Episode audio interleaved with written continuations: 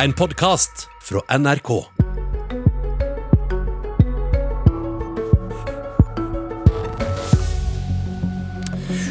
For du har selvfølgelig fulgt med på NRK i dag. Regjeringen har fått knallhard kritikk for å misbruke FNs klimarapport fra de som lagde den, og fra Fremskrittspartiet for å ville kutte for mye utslipp. Kan klima- og miljøminister Rotevatn tilfredsstille både klimaforskerne, som han jo gjerne vil, og Frp, som han jo er helt avhengig av? Vil vi nå få se han utføre en elegant, perfekt politisk spagat på direkten i Politisk kvarter? Nå går det an å argumentere mot den innledningen, f.eks. at den insinuerer at Frp er mot klimaforskning.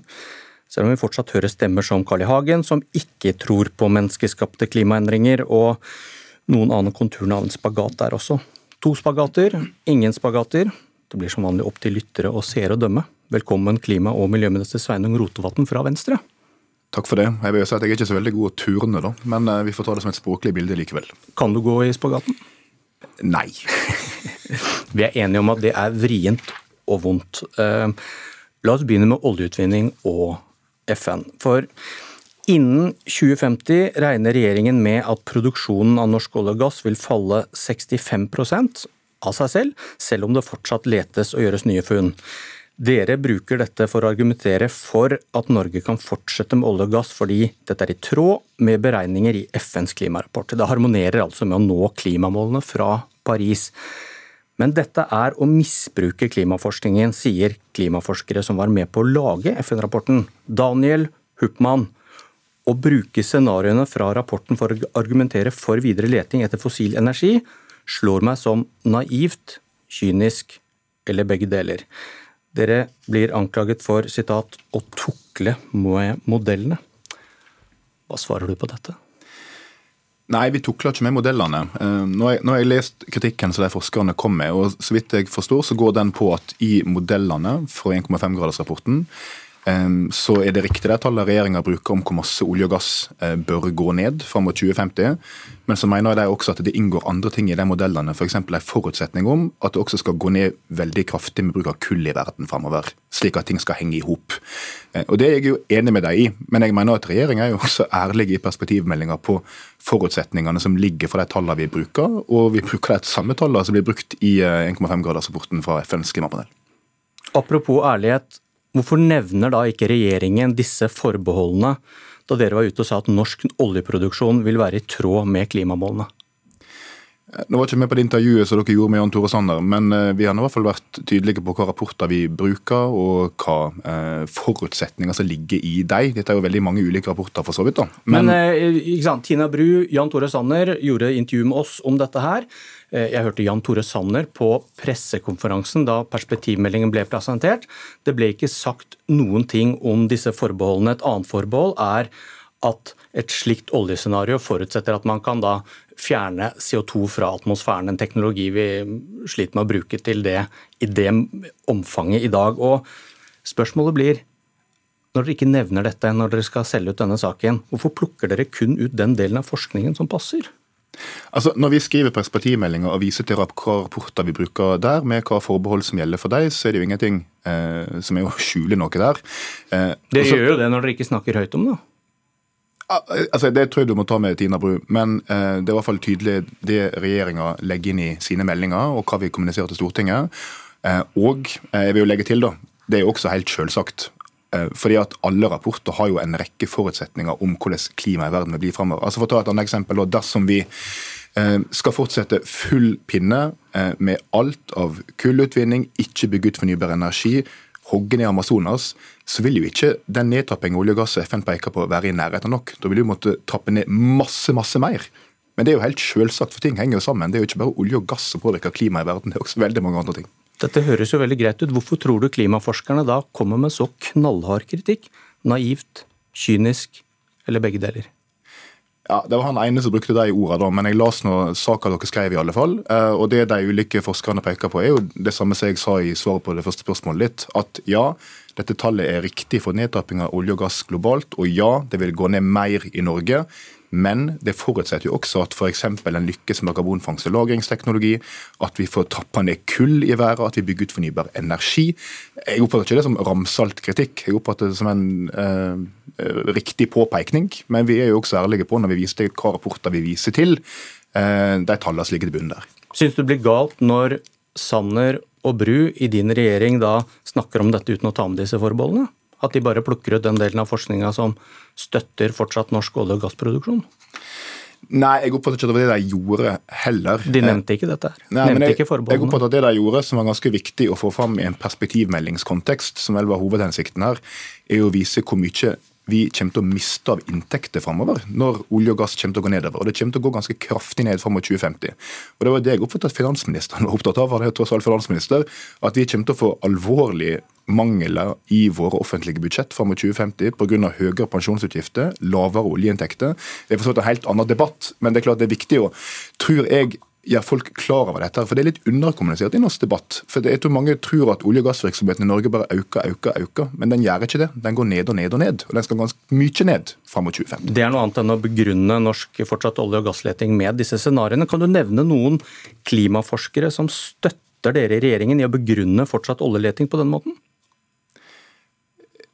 Jeg øh, vet ikke om noen klimaforskere som har vært veldig offentlige på hva de mener om norsk utvinningstempo framover sammenligna med andre ting. Altså, De viser jo til hvordan ting skal henge sammen. Dere, dere, dere, dere, får jo nå tung kritikk fra norske miljøer i Cicero og internasjonale forskere som Hoppmann. Det er over en uke siden dette kom, men du har altså ikke hørt noen som reiser seg og sier at dette, dette høres greit ut å bruke klimascenarioene på den måten? Jeg har egentlig bare sett én reaksjon på det, og det var den saka dere publiserte i dag. Eh, og Den har jeg lest. Eh, men eh, utover det så mener jeg jo at nå snakker vi om liksom scenario der ting skal henge i hop, og der det ene forutsetter det andre. Men i bunnen så ligger det jo selvsagt politiske valg. Og det er det jo også uenighet om i Norge. Hvor raskt skal vi trappe ned olje- og gassutvinninga framover eller ikke?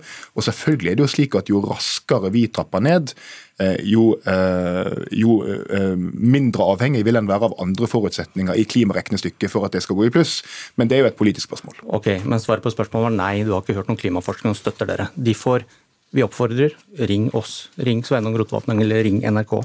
Um, hvis vi, men hvis vi da legger logikken deres til grunn at oljeutvinningen vil falle, uh, derfor vil Norge være i takt med Paris-målene, selv om vi fortsetter med oljeproduksjonen. Det er jo logikken her. Hva betyr det for eventuelt nye, store funn av olje og gass? Altså, Dersom norsk uh, olje- og gassvirksomhet ikke går ned like raskt som alt tyder på nå, Eh, så vil det trekke i negativ retning i så måte. Ja, men hva, hva skjer hvis vi finner ett eller to nye store Sverdrup-felt? Hva vil det si når dere har sagt at nå følger vi en bane som er i takt med klimamålene? Hvis det endres, hva skal dere gjøre med de store oljefunnene? Ja, Det tror jeg vil bli en ganske interessant politisk debatt i Stortinget. Eh, for å si det sånn. Ja, Hva syns du? Nei, Jeg tilhører et parti, Venstre, som er for en restriktiv olje- og gasspolitikk. Og vi er jo for at du skal ha eh, tøffere innstramminger på olje- og gassvirksomheten enn det f.eks. Høyre er for. Hva, hva, hva, hva, er svaret, hva, er svaret, ditt? Skal man la den olja ligge da, hvis man finner et nytt Sverdrup? Altså, Jeg leder jo Venstres programkomité, som har gått inn for at vi ikke skal åpne nye områder for olje- og gassvirksomhet. Så svaret gir jo seg sjøl. Hvis du finner det i nærheten av et uh, åpnet område, da? Nei, jeg mener at Hvis det ikke inngår i eh, en lisens som allerede er tildelt, det kan det selvfølgelig gjøre, men hvis det ikke gjør det, så er i hvert fall Venstres programkomité sitt svar og mitt svar at det bør ikke en åpne for ytterligere utvinning. Og Så vil jo Høyre ha et litt annet syn på det, og så vil vi måtte kompromisse i regjering, slik vi er i dag, der vi lar f.eks. Lofoten og Vesterålen iskantsoner være, men tillater virksomhet i andre områder. og Slik er politikk. Slik er politikk. Jeg kan da avslutningsvis nevne at din kollega i KrF, Kjell Ingolf Ropstad, han svarte at jeg håper vi finner et nytt Sverdrup i morgen.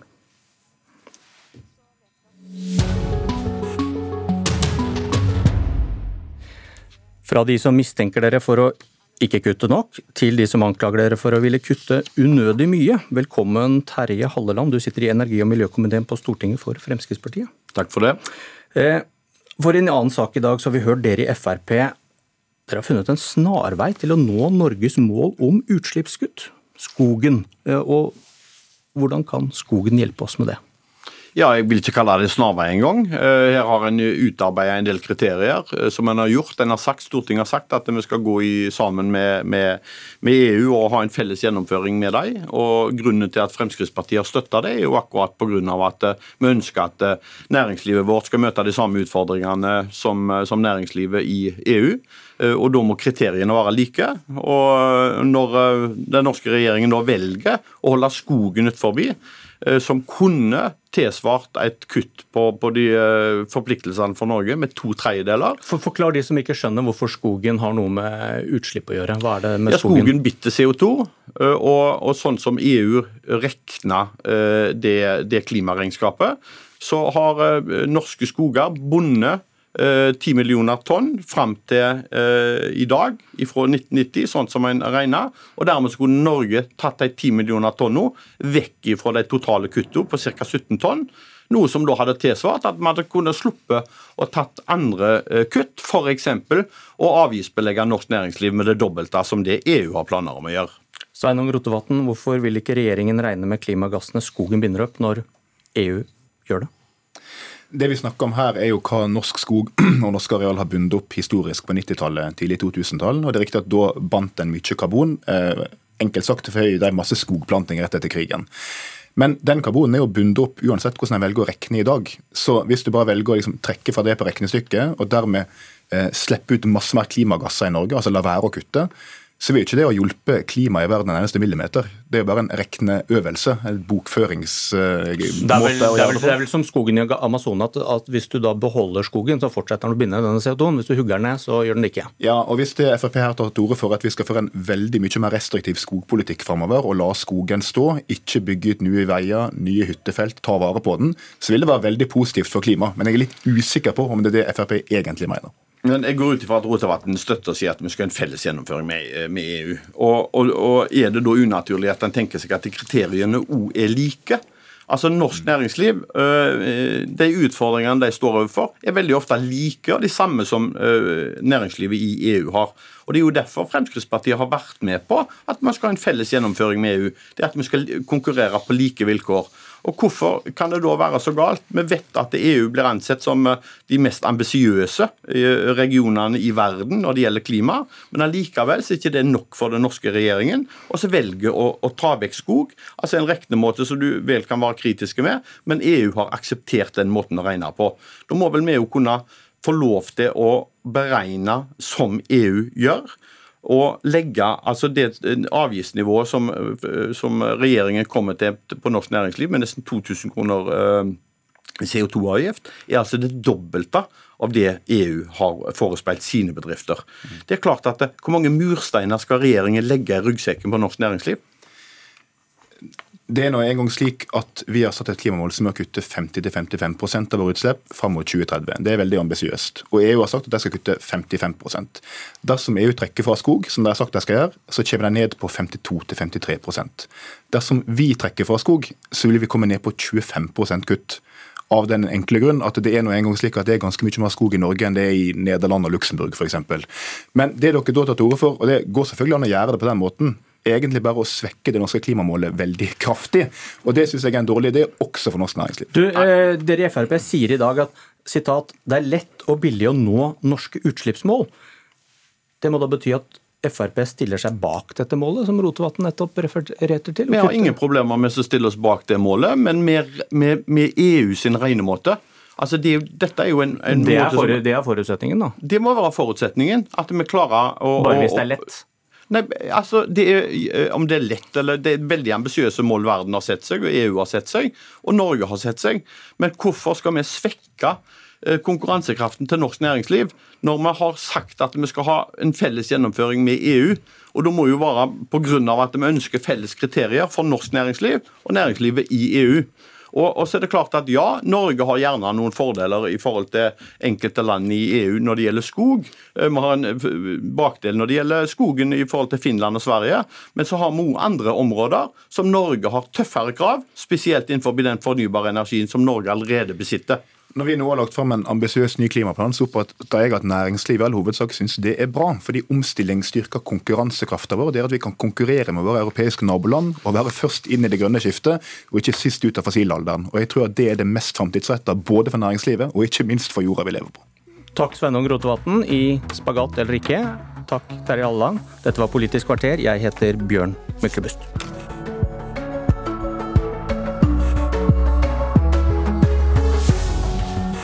Du har hørt en podkast fra NRK. Hør flere podkaster og din favorittkanal i appen NRK Radio.